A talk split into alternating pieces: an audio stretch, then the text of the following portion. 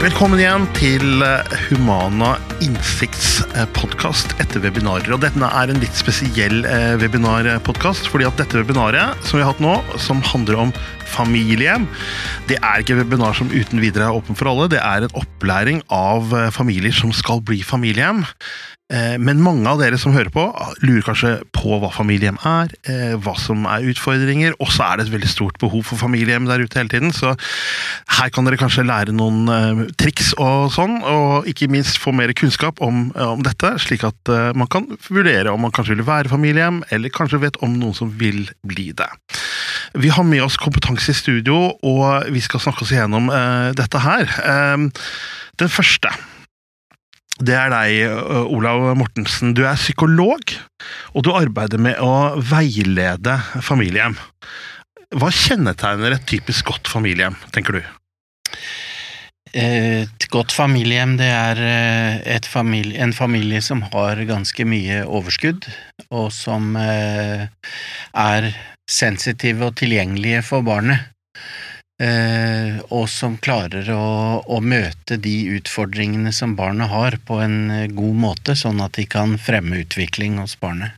Og når du sier overskudd, så handler det om menneskelig overskudd, eller? Det handler om overskudd av, av både å, å gjøre ting og å møte et eh, barn eller ungdom som har utfordringer, og som krever mye av, av en som foreldre.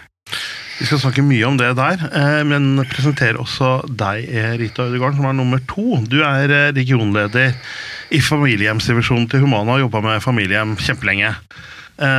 Kan ikke du bare starte med å forklare folk hva et familiehjem egentlig er? For det høres veldig varmt og flott ut, men det er mange tror jeg, som ikke helt vet hva, vet hva det er for noe. Mm. Et familiehjem er jo det samme som et fosterhjem, som veldig mange vet hva er. At man da åpner hjemmet sitt for et barn eh, som trenger en ny familie. Eh, Forskjellen på et fosterhjem eh, og et familiehjem er at familiehjemmet har ekstra forsterkning. Og ekstra forsterkning kan være mye forskjellig, men en av de tingene som det eh, er, eh, er at den voksne, eller en av de voksne, er eh, til stede i hjemmet hele tiden. Altså at man ikke reiser ut og har en annen jobb, det er en del av forsterkningen. Man er eh, til stede for det barnet, selv om det også går på skole, men man da bruker, eh, bruker sin arbeidstid også på å være fostermor eller fosterfar, da. Altså, det er en jobb, rett og slett, å være familie. det er en jobb. Eh, og eh, familien har også annen type forsterkning, eh, sånn som veiledning av forskjellige instanser. Ganske hyppig. Og det skiller seg fra fosterhjem, som mange vet hva er, som ikke liksom har det samme behovet. Og et familiehjem eh, Behovet i et familiehjem, det settes jo på en måte av barnet. Eh, Barnet som blir plassert der, som har ekstra omsorgsbehov eh, som har eh, opplevd langvarig og grov omsorgssvikt av forskjellige typer.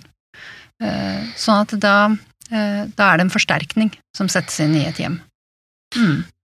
Da har vi fått en, klar, en fin eh, oppsummering av hva det faktisk er, og da kan vi gå inn i, i problemstillingene og utfordringene og mulighetene.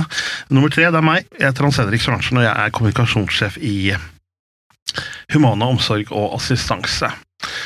Det å jobbe sånn eh, hjemme, da, som man gjør som familiehjem, da, Rita, det altså Ved første lytt da, så tenker jeg at det høres veldig sånn ensomt ut. Du er på heltid ansatt for å ta vare på et eh, barn eller ungdom som har store utfordringer, og så jobber du hjemme. Mm. Kan du ikke si litt om hvordan Ja, eh, det er jo å jobbe hjemme, ja. Og det er jo eh, å ha fokus på det barnet du har fått inn.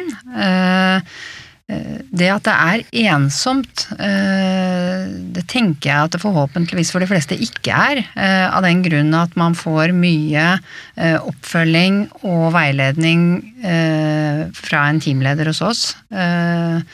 Eh, ukentlig kontakt med oss og tilgjengelighet fra oss. eh, Og eh, så er vi jo opptatt av nettopp det. Dette er jo Man er jo underlagt taushetsplikt og kan ikke snakke med venninner og naboer om alt mulig som foregår i forhold til denne jobben.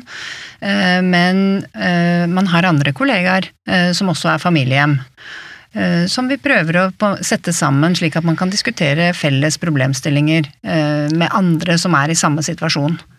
Sånn at man har liksom kollegaer på en litt annen måte. Eh, og ja, mye samhandling med, med veilederen sin og, og andre hjem, da. Mm. Mm. Men altså, det jeg lurer på da eh, vi, altså Jeg vet jo at det er mange som er interessert i å bli familiehjem. Vi har akkurat hatt en kampanje hvor jeg har fått en, mange hundre som gjerne vil bli familiehjem. eh, men eh, tror du de vet hva de går til, eh, Olav? Eller hva? Jeg tror at eh, de delvis får med seg hva de går til, men det er klart at eh, å ta imot et barn som har store utfordringer, det klarer du aldri å forberede deg helt på. Pluss at jeg opplever, jeg sier noen ganger at i den fasen da de får informasjonen om barnet, så er de litt gravide. Det betyr at de siler, siler litt informasjonen sånn at det, det er ikke alt som går inn, og så tenker de veldig fort at ja, det skal vi få til. Det skal vi greie. Eh, og så er det helt umulig å forberede godt nok, tror jeg, før de har barn i hus, og før de Unnskyld. Før de begynner å samhandle og se hvordan det ser ut i, hverdagen. Så jeg tror at det er mange som blir litt overraska, og som kanskje blir litt eh, overvelda av, av hvor vanskelig det er òg. Men så er det, eh, sånn som dere har nevnt begge to nå, så er det et godt eh, apparat rundt som støtter opp, og som, og som eh, bistår med både kunnskap, opplæring, veiledning, eh, og som gjør at dette blir håndterbart for de aller fleste, da. Mm. Ja. Eh, eh, og så er det jo sånn at noen ganger er vi jo også forberedt på, eller tenker at ting skal være mye verre enn det er også. Mm.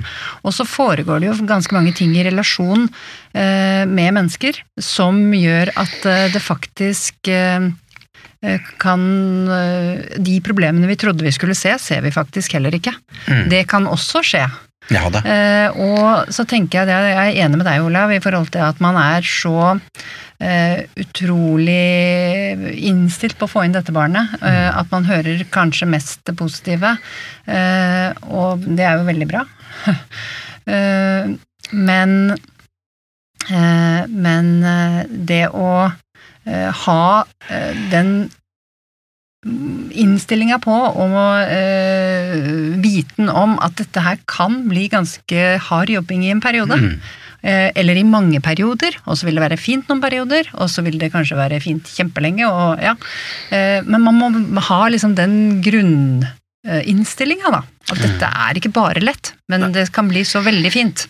Ikke sant? Og Det er jo derfor det er en heltidsjobb også, for Mm. Yes. at det ikke er så, så lett, men veldig, veldig viktig. Riktig. Ikke sant? Men, ja. så jeg vil bare lyst til å si at det er jo også utrolig be- belønnende for, for de som er familiehjem, når de ser at det er fremgang, når de ser at barnet klarer seg bedre, når de ser at ting faller på plass, når, når utviklingen kommer i gang på en god måte. Det er også veldig belønnende og veldig, eh, føler eh, veldig glede og stolthet over det. Mm, Og det skjer i mange tilfeller. mm, ja, jeg har møtt familiehjem selv jeg, i flere sammenhenger som har vært fantastiske historier. Ja.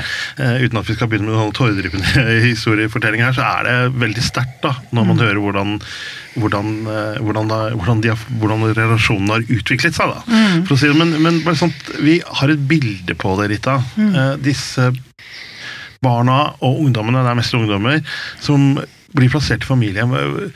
Hva, hva kjennetegner de? Kan, du, kan vi si noen ting? Er det noe fellestrekk? Det er jo eh, fellestrekk på de barna som blir søkt inn hos oss. Eh, fordi eh, der er det jo sånn at det er bestemt, eller det er utreda dit hen at de trenger noe mer enn et vanlig fosterhjem. Det, det er jo felles. At det vet vi. Eh, det som er veldig på en måte sammenfallende med de søknadene også, er at eh, dessverre så har mange av disse barna, nesten alle, opplevd mange brudd. Det har vært brudd fra eh, sine biologiske foreldre, og det har vært videre brudd i forskjellige fosterhjem. Eh, veldig ofte. Sånn at det er utgangspunktet de kommer med, er jo at eh, der de har vært, har de ikke fått det til. Så, så der starter vi. I tillegg så er det jo barn som man har gjerne dokumentert at har opplevd mer grovere og lengre tid med omsorgssvikt. Og ikke minst traumer. Og ikke minst traumer, ja. Eh, sånn at eh, det er klart at eh, disse barna kommer jo med en ganske tung ryggsekk inn i familiehjemmene. Eh, og det, er, det vil komme frem noe fra den ryggsekken uansett, både for barn og ungdommer. Ja. Det vil komme til syne på et eller annet vis. Og igjen, da, det, dette med forsterkning og familiehjem. Det er en grunn for at det, det er det rundt disse barna. Mm. Mm. Jeg tenker at det å få en, en sånn ungdom inn i familien, om det er to, eller om det er noen enslige som er familiehjem også, bare for å få sagt det. Eh, og det er noen steder så er det jo andre store barn, for det er store barn eventuelt. Mm. Det vil jo gjøre noen ting med endre dynamikken i familien. altså Hva kan dere si om det, egentlig? Fordi det er jo interessant, tenkte jeg. Tenker jeg. Det er jo mange som beskriver at, at barnet tar veldig mye av de voksnes tid og oppmerksomhet. Og at de, i hvert fall i perioder deres biologiske barn kan eh, reagere på det. Og syns det blir litt lite på de. Men jeg syns veldig mange av familiene klarer å balansere det på en god måte, og så, og så har de litt dårlig samvittighet for det, og så tar de liksom tak og prioriterer sine biologiske barn i, i, perioder. Og så tenker jeg jo også at for, for barn som vokser opp med, med et fosterbarn i familien, så vil det i de fleste tilfeller være en veldig berikelse. Du ser jo at veldig mange av de som har vokst opp med fosterbarn i familien, blir fosterforeldre sjøl når, mm. når, de kommer til den fasen av livet. Mm. Sånn at de, de, vil nok totalt sett sitte igjen med en eh, følelsen av å ha hatt et rikere liv når det gjelder eh, de tinga her, men, men, der og da så kan det føles litt eh, som en belastning. Mm. Og, ja, og jeg vil legge til også at uh, det at egne barn uh, må på en måte involveres i prosessen av å bli familiehjem, er enormt viktig. Uh, og de må Det er klart at man ikke alltid kan være helt sikker på hvor den motivasjonen ligger, eller hvordan man skal liksom vite helt sikkert hvis det er barn, men, men de må ville Eller de, man må vite at sine barn kan tåle dette, vil jeg vel si at det er viktig. Mm. Og så vil jeg legge til også at man må huske på at man har et, et større nettverk rundt seg òg, med familier som ikke bor i samme hus, som også blir påvirket av dette. Som det kan være fint å involvere i en sånn prosess. Og som det er fint også kanskje si at ja, nå er det jo litt ekstremt eksempel, men, men, vi får ikke til å komme på det familieselskapet denne gangen, for her er det ikke så veldig bra akkurat nå, eller en av oss må være hjemme. Altså sånne ting som kan da oppstå så er det viktig at det er en forståelse i nettverket rundt på at vi har en litt, eh, har en litt viktigere jobb akkurat nå, eh, som tar mer av oss i denne perioden. Ja, Og at den jobben å være familie er på mange måter en heldøgnsting, da. Absolutt. Det er det. Mm. Mm. Det er jo derfor en har full jobb, selv om barna er på skolen på dagtid. Mm. Så har en full jobb, for det er jo, det er jo Du har jo aldri fri. Altså, det, det, du får ikke fri fra et barn. Sånn at det er jo, det er jo sånn at det er heldøgnsjobb, som du sier. Mm. Og noen ganger kan det være våkenetter, og noen ganger kan det være seine kvelder, og noen ganger kan det skje ting på tidspunkter da du har andre avtaler, og Så det er Det, det krever en ganske stor tilpasning fra ja. de voksnes side. Og et stort engasjement og, og vilje til å mm. gjøre dette her, vil ja, jeg kanskje si. Absolutt. Mm. Ja. absolutt. Men det bringer meg over til noe annet som jeg syns er viktig som har med dette her å gjøre. At uh, man, har, man, har, lyst til å gjøre en innsats, man har de ressursene som skal til, og man har gått gjennom opplæring, og alt jeg er klar, liksom. Og så kommer det en ungdom, og så har den ungdommen, som dere sier, hatt, han har sin historie, for å si det sånn, eller hun har sin historie. Og så kommer, dette, kommer det inn, og så, og så, blir man eh, kanskje litt avvist av, av dette barnet, denne ungdommen. Det, det, tar ikke imot denne kjærligheten du har å gi, denne omsorgen du har å gi. Eh, Det må jo være utfordrende. Eh, Hvordan takler folk det, egentlig? Det, det tror jeg det er viktig å ha forberedt godt på, på forhånd, for det, det, det kommer jo barn inn i familiehjem som er det, Relasjoner er det skumleste de vet om. De er redde for å bli avvist. De er, eh, har kanskje opplevd eh, ganske traumatiske ting med voksne. De har mange brudd, som du sier. Og det betyr at de er veldig, veldig, veldig redde for å bli avvist. Og når du er tilstrekkelig redd for å bli avvist, så avviser du sjøl først, for det er det tryggeste. Så det å knytte seg til noen blir på en måte veldig skummelt, for da kan jeg miste. Og de kan alt om smerten ved å miste. Sånn at eh, avvisningsproblematikk, eh, særlig kanskje det første året, de to første åra, det syns jeg er ganske vanlig. Mm. Det, men, men så er det også noe av det som, som en lærer som familiehjem, og som er et av de viktigste prinsippene i en, en sånn tilknytning og traumebasert tilnærming til barn og ungdom, da, det er å forstå bak atferden. At atferden har ofte et uttrykk, og hvis vi henger oss opp i det, så kan vi holde på med det hele tida, men bak atferden så ligger det et følelsesmessig behov og en følelsesmessig konflikt.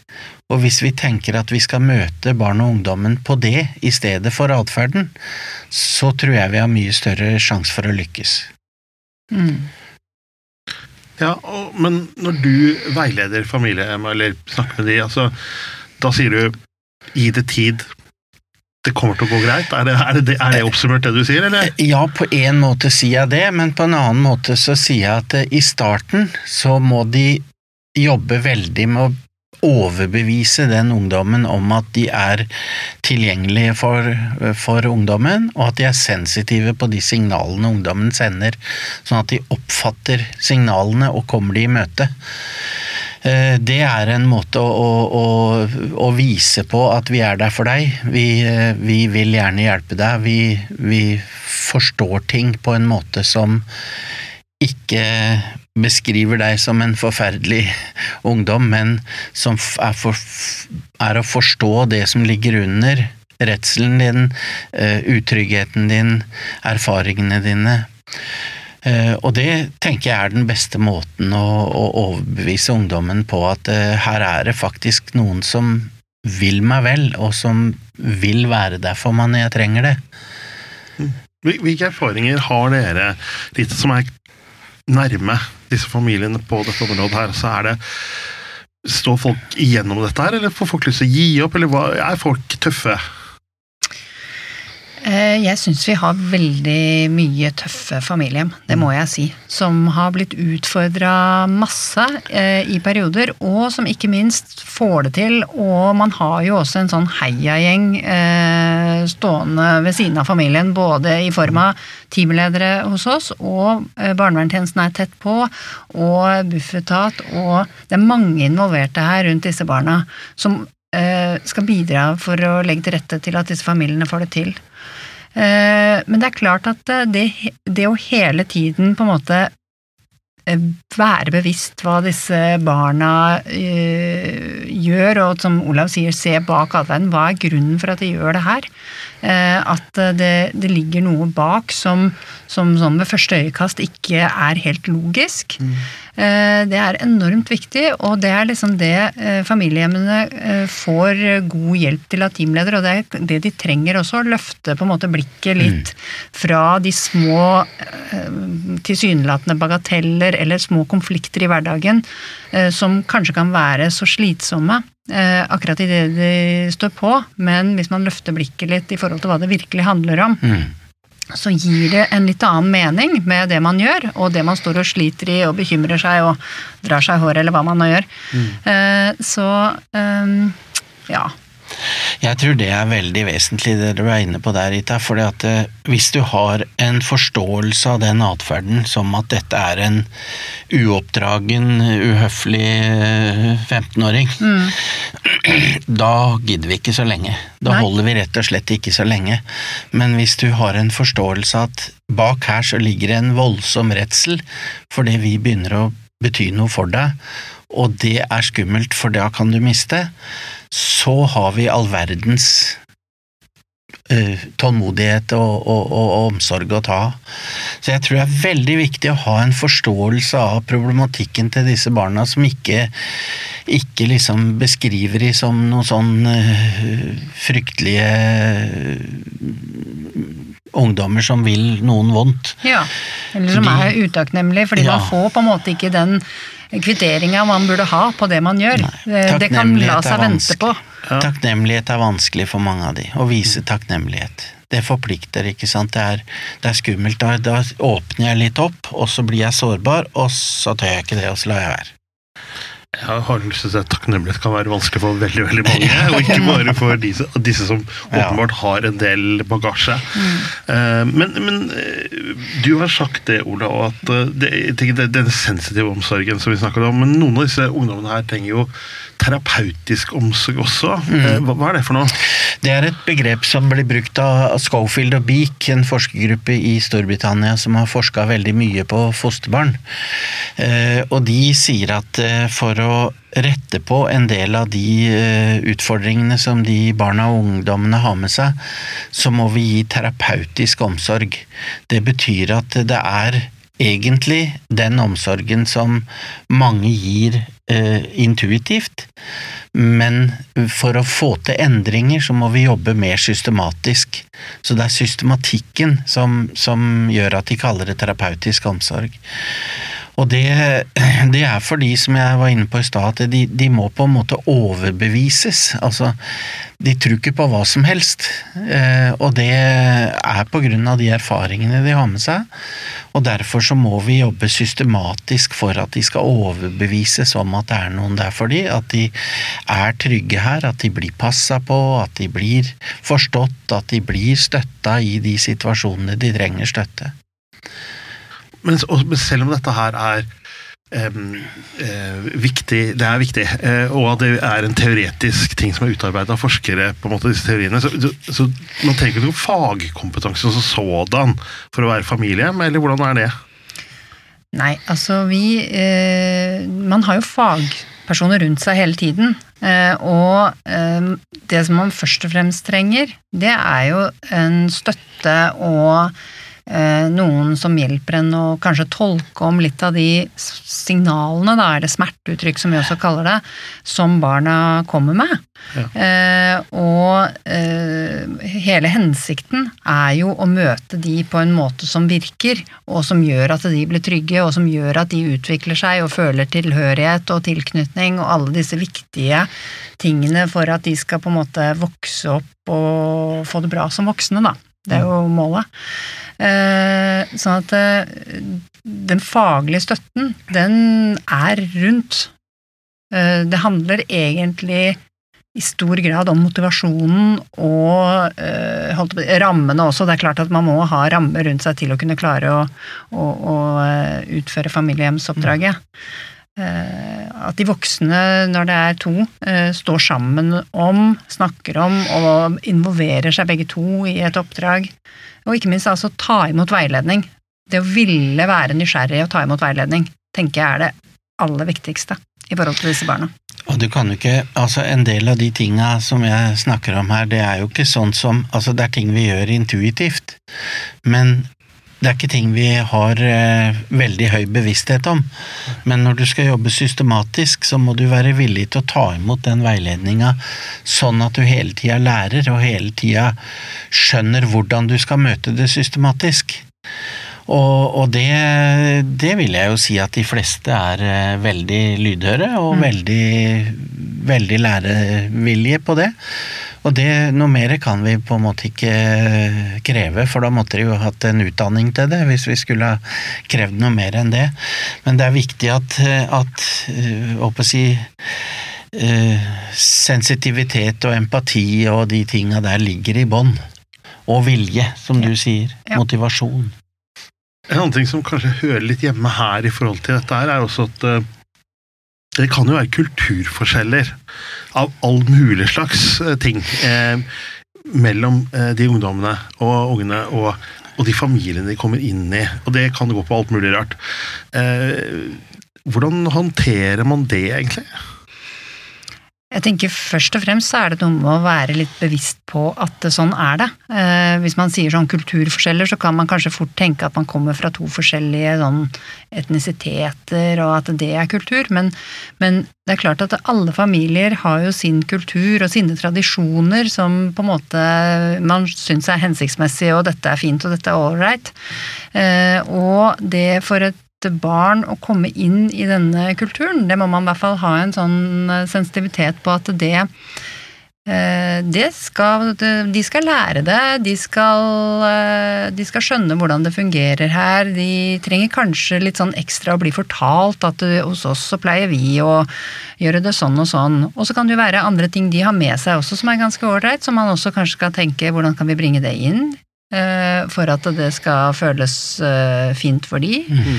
Det handler eh, i det store og det hele om at, eh, at de ikke skal komme inn og, og prøve å forstå eh, omgivelsene sine der hvor de er nå. Eh, og at det er viktig da, å, å huske på at det, det driver de med også. Mm. Eh, og prøve å, å forstå kulturen i denne familien. Og det å forstå kulturen i familien, det betyr også at alle familier har en, en indre, et indre liv som er forskjellig fra familie til familie. Og det, det skal barnet få tak i, og det, til å begynne med så skal de skjønne det for å kunne tilpasse seg og kunne, kunne leve i den familien sammen med de andre. Det tenker jeg er første, første delen av trygghet. Eh, Jeg pleier å si at jeg tenker på trygghet for de barna som en løkmodell. Dette er det første skallet, det er å finne ut av hvordan er det her, hva er reglene, hvordan gjør de ting, hvor sitter jeg ved matbordet, altså sånn helt konkrete ting. Og så kommer det neste som er ja, hvordan er de forskjellige personene i familien, hvordan skal jeg forstå de uttrykka de har, hvordan skal jeg forstå eh, reaksjonene deres, og så er det flere og flere og flere og flere lag innover, inntil det laget som vi ønsker aller mest, og det er den tryggheten som sier at det, det er noen der for meg alltid når jeg trenger det. Jeg får den støtten jeg skal når jeg trenger det. Jeg vet hvor omsorgspersonene mine er, og hvordan jeg skal få tak i de, og jeg vet at de kommer meg i møte når jeg trenger det. Det er liksom den grunnleggende tryggheten som barn får når de lever i et trygt og stabilt hjem helt fra starten av, Mm. og som er på en måte den det gjør barn mest robust, rett og slett, når du har den, eh, den tryggheten og vissheten i det. Ja, øh, ja, Du har også snakka om det med Trygg base som et veiledningsprogram for fosterforeldre. Det, det går litt hånd i hånd med det du sier nå, gjør det ikke det? Ja. Kan du si litt mer om det? Ja, det er forma som en stjerne, og det er fem punkter. Det er sensitivitet, tilgjengelighet, samarbeid, aksept for hvem du er, og tilhørighet i familien. Mm. Eh, og det er Schofield og Beak igjen som har mm. utvikla den modellen.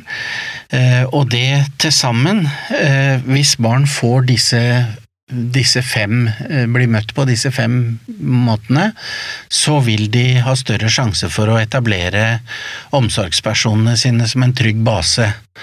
Og det deler vi i trygg base og trygg havn, dvs. Si en trygghet til å kunne utforske ut fra basen som eh, på en trygg måte, og vite at det er noen som fanger meg opp hvis Unnskyld. Hvis, jeg, hvis, jeg, hvis det går gærent for meg, hvis jeg blir utrygg.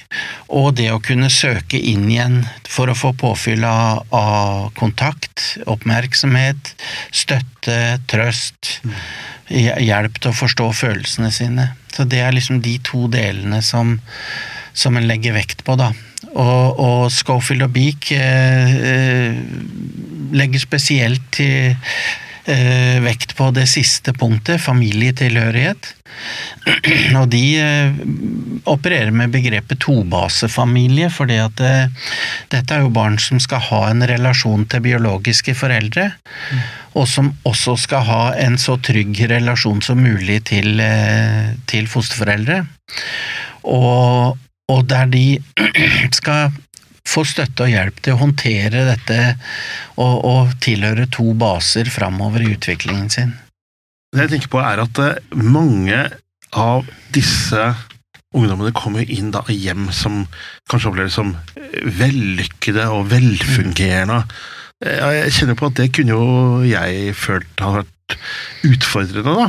Eh, Har, du, har du noen refleksjoner rundt det? Det er, eh, det er ganske vanskelig for noen. Altså, de kommer, kommer uh, Mange av de kommer jo fra hjem som har veldig store vanskeligheter. Og det betyr at de eh, har opplevd, eh, som du sa, ganske alvorlig omsorgssvikt over lang tid. Og noen av de også traumer i nære relasjoner.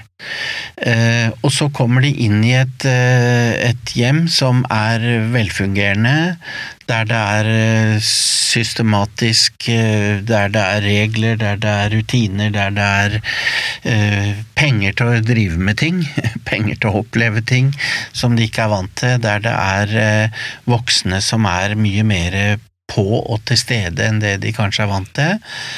Og det kan være ganske vanskelig. For noen av de så, så kommer de liksom inn i et hjem der det er en selvfølge at du går på skolen.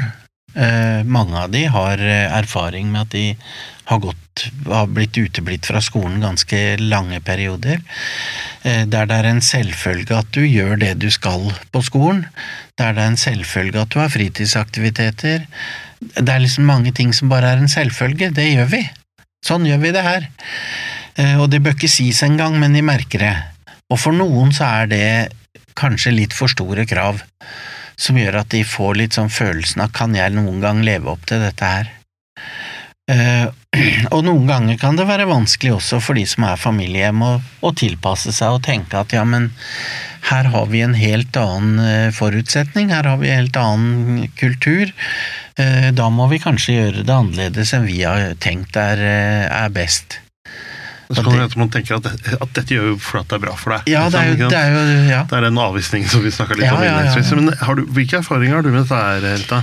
Nei, Jeg har erfaring med at eh, vi, vi må skynde oss litt sakte. Eh, vi kan, vi, man blir litt sånn stressa over at eh, de forventningene vi har skal innfris veldig fort. Eh, og at hvis man da, som Olav kom med disse eksemplene, så, eh, så kan man kanskje regne med at det tar litt tid, basert på hvor de kommer fra. Mm. Og det er liksom akkurat disse tingene som det er liksom så viktig å hele tiden løfte frem en bevissthet rundt, da.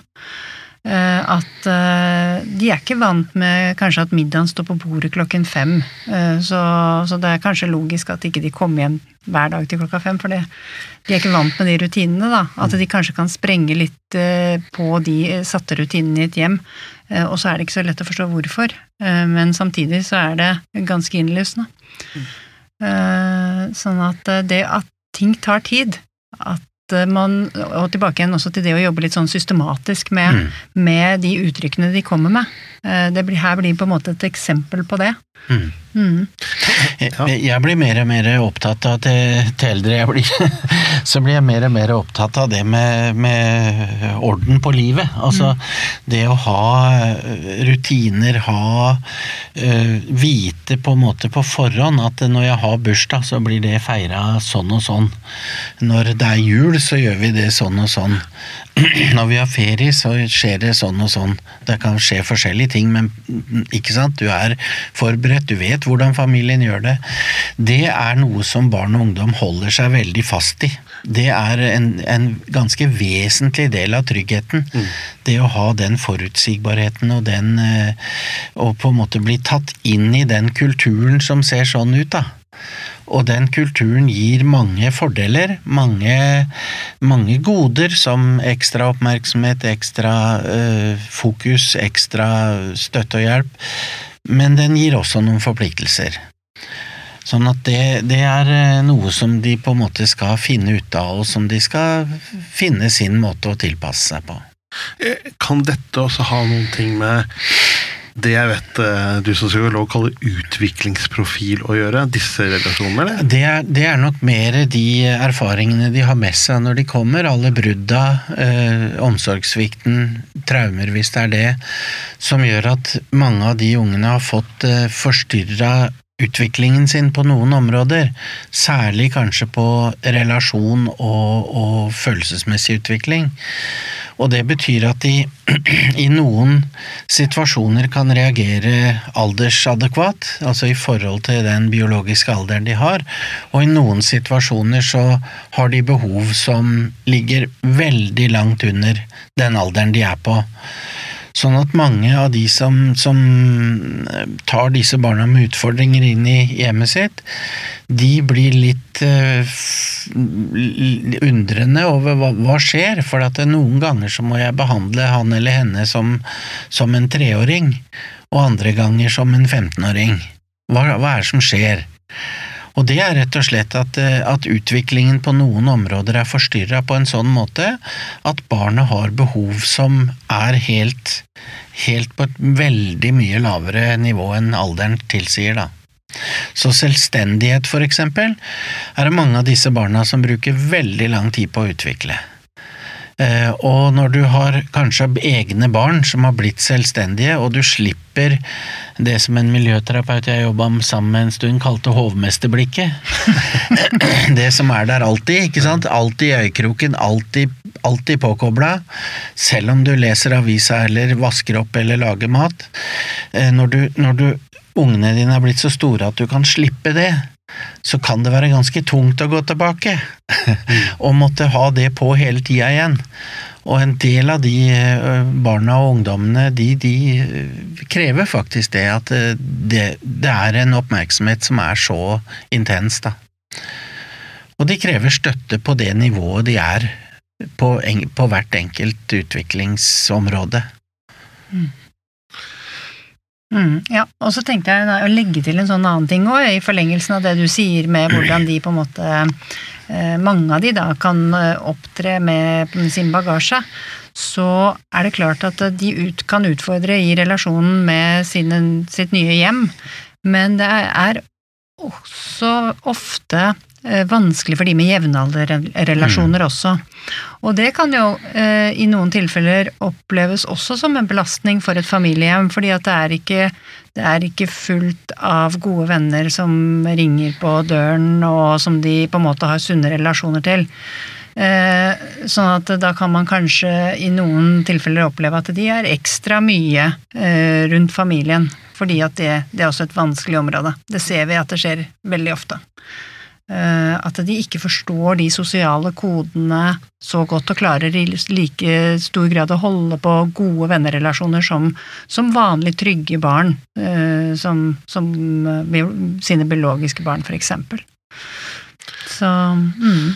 Jeg kjenner jo på, eh, både av erfaring, men også gjennom praten her, at det å være familiehjem høres eh, meningsfylt og fint ut, men det kan være ganske utfordrende også. Eh, og da er det naturlig for meg, eh, når vi begynner å nærme oss eh, eh, rundt her, å spørre Hva tenker dere man skal tenke på hvis man har lyst til å være familiehjem? Jeg tenker at uh, man må uh, virkelig ha lyst til å gjøre en forskjell i livet til noen. Mm. Og at man har lyst til det og vet at det også kan være vanskelig på forskjellige områder. La oss si garantert vanskelig uh, på et eller annet område. Det behøver ikke å liksom, kanskje føles så stort for hver og en, men at man er innstilt på at her kan det bli hard jobbing i perioder. Mm. Eh, og at eh, resultatet av det, eh, den harde jobbingen høyst sannsynlig kommer til å være verdt all slitet. Sånn at det er noe med å Og vil de rundt meg det? Mm. Dette er ikke et soloprosjekt i en familie, dette her er et fellesprosjekt. Selv om det er én som, som, tar på en måte oppdraget, da. Ja. Jeg syns jo veldig mange av de som jeg møter, har, har den eh, motivasjonen i bånn. At de mm. har veldig lyst til å, å, gjøre en forskjell for, eh, for noen. og at de ser at her har jeg en mulighet til å gjøre det. Og det syns jeg er en veldig, en veldig, flott motivasjon, og, og, og, veldig mange av de har masse å stille opp med, masse ressurser, masse eh, Jeg må si at jeg, jeg er dypt Eh, ærbødig overfor den eh, oppgaven mange av de tar på seg, og hvordan de står i det og klarer å gjennomføre. Men det er som Rita sier, at belønningen når det går framover, er så stor. Den er så eh, helt spesiell. Det å se et menneske som du har lært å bli glad i, som utvikler seg i den retningen du ønsker, og som, der du kan håpe at det at du kanskje hjelper vedkommende til å unngå en del ganske store problemer i ungdoms- og voksenalder, det er en veldig sterk motivasjon og en veldig sterk belønning sånn følelsesmessig for de som, de som står oppi det synes det er en sånn veldig fin måte å avslutte på der. Eh, er du interessert i å bli familie, så, eller har spørsmål rundt det, så kan du ta kontakt med oss eh, på humananorge.no. Der har du all slags eh, kontaktinformasjon. Vi er på sosiale medier overalt. Eh, og denne podkasten fant jo der du finner alle de andre podkastene du hører på. Eh, tusen takk for at eh, dere kom, Ola Mortensen og Rita Ødegaarden. Og dette gjør vi å skape gode familier, for alle har rett til et godt liv. Ikke sant, Rita? Det stemmer. Det stemmer.